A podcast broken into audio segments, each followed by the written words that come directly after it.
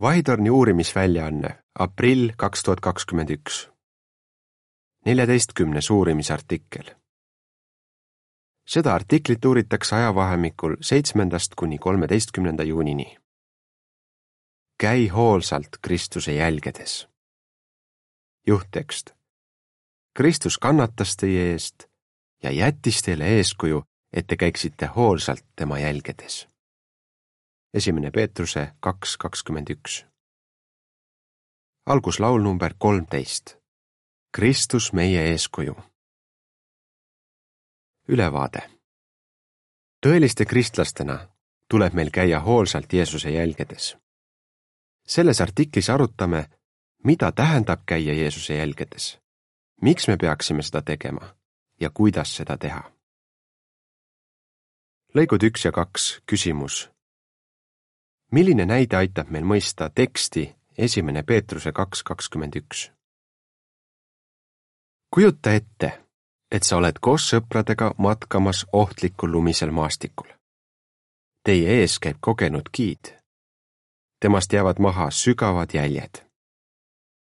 mingil hetkel sa märkad, et ei näe enam giidi, kuid sa ei satu paanikasse. sa püüad koos sõpradega minna edasi mööda giidi jälgi tõeliste kristlastena me otsekui matkame ohtlikul maastikul selles kurjas maailmas. ent Jehova on andnud meile hea giidi, oma poja Jeesus Kristuse, kelle jälgi mööda me saame käia. Peetrus räägib Jeesusest kui teejuhist. nagu giid jätab lumisele või liivasele maastikule endast maha jäljed, nii on Jeesus jätnud endast maha jäljed, mida mööda me saame käia arutame nüüd kolme küsimust. mida tähendab käia Jeesuse jälgedes? miks meil tuleb seda teha? ja kuidas seda teha? esimese ja teise lõiguga seotud pildi allkiri ütleb, me peaksime käima hoolsalt Jeesuse jälgedes. mida tähendab käia Jeesuse jälgedes? lõik kolm, küsimus. mida tähendab käia kellegi jälgedes? Mida tähendab käia kellegi jälgedes? piiblis viitavad sõnad käima ja kõndima mõnikord inimese eluviisile. seda, millist elu keegi elab, võib võrrelda teeraja või jälgedega, mille ta endast maha jätab. seega kellegi jälgedes käimine tähendab tema eeskuju järgimist. lõik neli küsimus. mida tähendab käia Jeesuse jälgedes? Mida tähendab käia Jeesuse jälgedes? lihtsalt öeldes tähendab see tema eeskuju järgimist. selle artikli juhttekstis toob Peetrus esile, kui hea eeskuju on Jeesus meile vastupidavuses. ent on veel palju muudki, milles me saame Jeesust järgida. tõepoolest, kogu Jeesuse elu, kõik, mis ta ütles või tegi, on meile heaks eeskujuks. lõik viis, küsimus kas ebatäiuslikud inimesed saavad tõesti järgida Jeesuse täiuslikku eeskuju? selgita. kas ebatäiuslikud inimesed saavad tõesti järgida Jeesuse eeskuju? saavad küll. tuleta meelde, et Peetrus õhutas meid käima Jeesuse jälgedes hoolsalt, mitte täiuslikult. kui me siis püüame käia Jeesuse jälgedes nii hästi, kui me ebatäiuslikena suudame, toimime Apostel Johannese sõnade kohaselt. ta lausus, kes ütleb, et ta jääb temaga ühte, peab ka elama nii, nagu tema on elanud. esimene Johannese kaks kuus. miks meil tuleb käia Jeesuse jälgedes? lõigud kuus ja seitse, küsimus. miks me võime öelda, et Jeesuse jälgedes käimine lähendab meid Jehovaga? Jeesuse jälgedes käimine lähendab meid Jehovaga. miks me võime nii öelda? esiteks, Jeesus jättis suurepärase eeskuju, kuidas elada Jumalale meelepärast elu. kui me siis käime Jeesuse jälgedes, rõõmustame Jehovat. ja me võime olla kindlad, et meie taevane isa soovib olla nende sõber, kes püüavad saada temaga lähedaseks. teiseks Jeesus jäljendas oma isa täiuslikult. seepärast võis ta öelda, kes on näinud mind, see on näinud ka isa.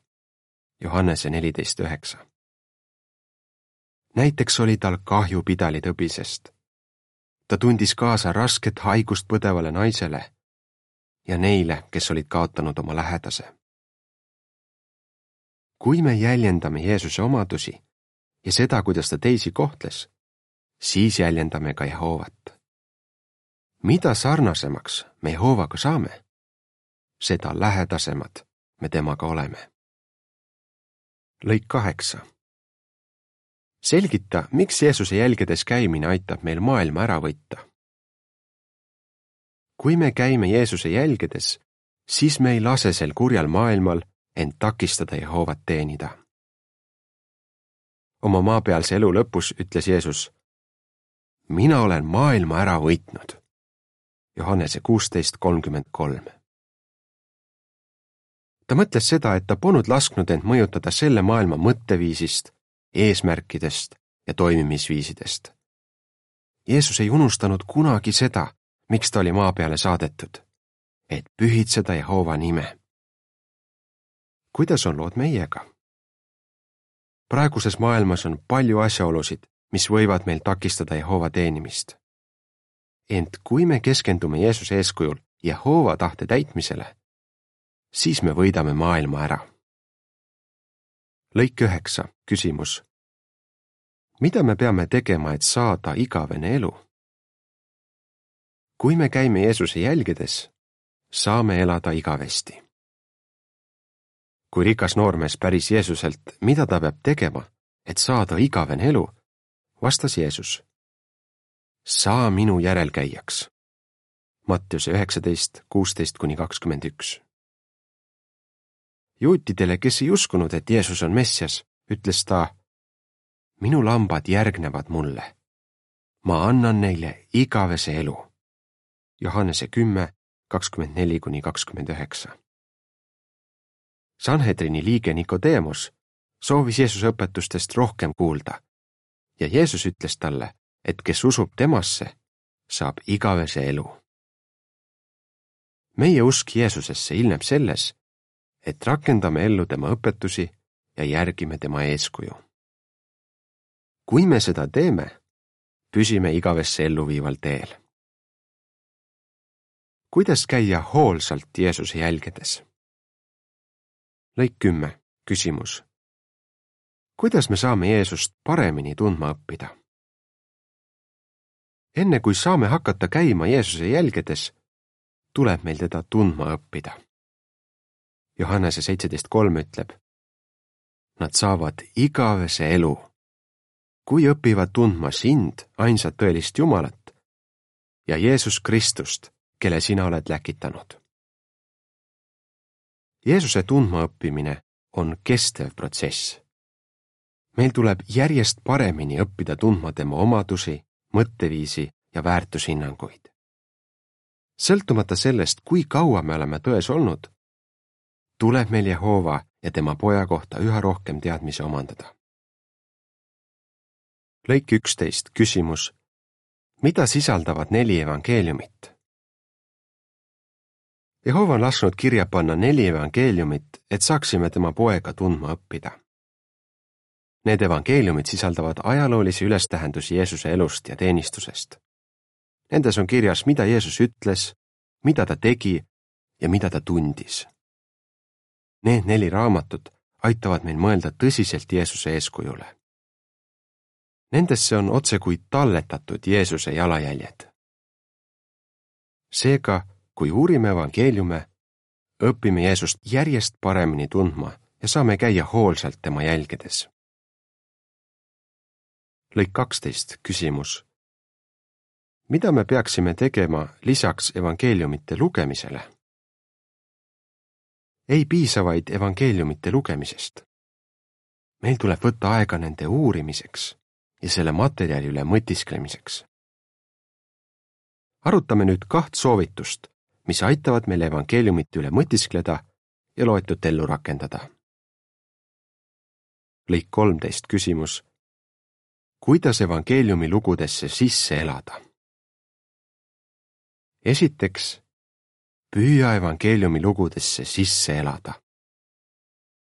kasuta oma kujutlusvõimet, et toimuvat näha ja kuulda ja püüa mõista, mida võisid need inimesed tunda. selles on sulle abiks meie organisatsiooni väljaanded. uuri konteksti ehk seda, mis eelnes või järgnes uuritava loo sündmustele. Otsi infot nende inimeste ja paikade kohta, millest jutt käib. võrdle seda lugu paralleeljutustustega teistes evangeeliumites. mõnikord on üks evangeeliumi kirjutaja lisanud detaile, mida teistes evangeeliumites pole. lõigud neliteist ja viisteist, küsimus. kuidas me saame evangeeliumitest õpitut ellu rakendada? teiseks, rakenda evangeeliumitest loetut ellu. pärast mõne evangeeliumi jutustuse uurimist mõtle järgmistele küsimustele. kas selles loos on midagi õpetlikku, mida saan ellu rakendada? kuidas saaksin neid mõtteid teiste aitamiseks kasutada? püüa mõelda mõne konkreetse inimese peale ja kui on sobiv aeg, jaga temaga taktitundeliselt neid õpetlikke mõtteid vaatame nüüd üht näidet, kuidas nende kahe nõuande järgi toimida. uurime lugu vaesest lesknaisest, keda Jeesus templis jälgis. vaene lesknaine templis. lõik kuusteist. kirjelda stseeni, mis on kirjas tekstis Markuse kaksteist nelikümmend üks. püüa jutustusse sisse elada. Markuse kaksteist nelikümmend üks ütleb Jeesus istus sinna, kust annetuskastid näha olid ning jälgis, kuidas rahvas neisse raha paneb. paljud rikkad panid hulga münte. kujutle järgmist stseeni. on üheteistkümnes niisan aastal kolmkümmend kolm meie ajaarvamise järgi. see on vähem kui nädal enne Jeesuse surma. Jeesus on peaaegu terve päeva templis õpetanud. usujuhid pole talle seda just kergeks teinud varem olid mõned Jeesuse autoriteedi kahtluse alla seadnud. teised püüdsid teda intrigeerivate küsimustega nurka suruda. nüüd on Jeesus läinud templi teise ossa, ilmselt naiste õue. seal näeb ta seina ääres annetuskaste. ta istub ja jälgib, kuidas inimesed panevad kastidesse annetusi. ta näeb, kuidas rikkad lasevad kasti palju münte. võib-olla on ta piisavalt lähedal et kuulda, kuidas mündid kõlinal kastidesse langevad. lõik seitseteist, küsimus. mida tegi vaene lesknaine? Markuse kaksteist nelikümmend kaks ütleb. siis tuli üks vaene lesknaine ja annetas kaks leptonit, mis võrdub ühe kvadransiga. mõne aja pärast köidab Jeesuse tähelepanu vaene lesknaine. tema elu on väga raske ta näeb palju vaeva, et ots otsaga kokku tulla. nüüd läheb ta ühe annetuskasti juurde ja paneb sinna kaks väikest münti, mille kukkumise heli on vaevu kuulda. Jeesus teab, et ta annetas kaks leptonit, mis on kõige väiksemad tol ajal käibel olevad mündid. Nende eest ei saa osta isegi üht varblast, mis on kõige odavam lind vaeste toidulaual. lõik kaheksateist küsimus mida ütles Jeesus lesknaise annetuse kohta? Markuse kaksteist nelikümmend kolm, nelikümmend neli ütleb. Jeesus kutsus jüngrid enda juurde ja ütles. ma kinnitan teile, et see vaene lesknaine pani annetuskasti rohkem kui kõik teised, sest need kõik panid sellest, mis neil on üle. aga tema pani oma vaesusest kõik, mis tal oli, kogu oma elatise Jeesus on lesknaise teost väga liigutatud. ta kutsub oma jüngrid ja lesknaisele osutades ütleb. see vaene lesknaine pani annetuskasti rohkem kui kõik teised. ta selgitab. Need kõik, eriti rikkad, panid sellest, mis neil on üle. aga tema pani oma vaesusest kõik, mis tal oli, kogu oma elatise. see ustav naine andis ära oma viimsegi rahanatukese ja jättis nii end Jehova hoolde lõik üheksateist, küsimus. milline tähtis õpetus on Jeesuse sõnades vaese lesknaise kohta? rakenda loetut ellu. mõtle, mida sa võid Jeesuse sõnadest õppida? kahtlemata oleks vaene lesknaine soovinud Jehoovale rohkem anda. kuid ta tegi, mis suutis. Ta andis Jehoovale oma parima. Jeesus teadis, et naise annetus on tema taevase isa silmis väga väärtuslik. siin on meile tähtis õppetund. Jehova rõõmustab, kui anname talle oma parima, kui teenime teda kogu südamest. Jehova on õnnelik, kui teeme kõik, mida suudame. see põhimõte kehtib nii aja kui ka energia kohta, mida me pühendame tema teenimisele, sealhulgas kuulutustööle ja koosolekutele lõik kakskümmend, küsimus. kuidas sa saad lesknaise loost õpitut ellu rakendada? too näide. kuidas sa saad lesknaise loost õpitut ellu rakendada? mõtle mõnele inimesele, kes paistab vajavat kinnitust, et Jehoval on hea meel selle üle, mida ta suudab teha. ehk tead mõnda eakat õde, kes tunneb end kasutuna, sest tal pole enam piisavalt tervist ja jõudu teha Jehova teenistuses nii palju, kui ta varem tegi? või kas tead mõnd venda, kel on raske krooniline haigus ja kes on masendunud, sest ta ei saa enam käia kuningriigi saalis kõikidel koosolekutel? aita selliseid inimesi, rääkides neile kosutavaid ja meeldivaid sõnu. tuleta neile meelde südant soojendavat lugu vaesest lesknaisest. Sinu julgustavad sõnad võivad neile kinnitada, et Jehoval on hea meel kui me teeme tema teenistuses, mida suudame. kui kiidad teisi selle eest, mida nad Jehova heaks teevad, ükskõik kui vähe seda näib ka olevat, siis käid hoolsalt Jeesuse jälgedes. järgneb lõikudega üheksateist ja kakskümmend seotud piltide selgitus. üks õde mõtiskleb selle üle, mida Jeesus ütles vaese lesknaise kohta. seejärel kiidab ta üht eakat õde tema ustava teenistuse eest. pildi allkirjas öeldakse. kiida Jeesuse kombel neid, kes annavad Jehovat teenides oma parima. lõik kakskümmend üks, küsimus. mida sa oled otsustanud teha? meil on väga hea meel, et evangeeliumites on palju üksikasju Jeesuse elust. Tänu sellele saame tema eeskuju järgida ja käia hoolsalt tema jälgedes miks mitte iseseisva uurimise käigus või pere piibliõhtul evangeeliumitele keskenduda? meil tuleks püüda nendesse jutustustesse sisse elada ja õpitut ellu rakendada. lisaks sellele, et võtta eeskuju Jeesuse tegudest, tuleb meil panna tähele ka tema sõnu. Järgmises artiklis arutame, mida me võime õppida Jeesuse viimastest sõnadest, mis ta inimesena ütles kuidas sa vastaksid? mida tähendab käia Jeesuse jälgedes? miks tuleks meil käia Jeesuse jälgedes? mida oleks hea evangeeliumeid uurides teha? lõpulaul number viisteist.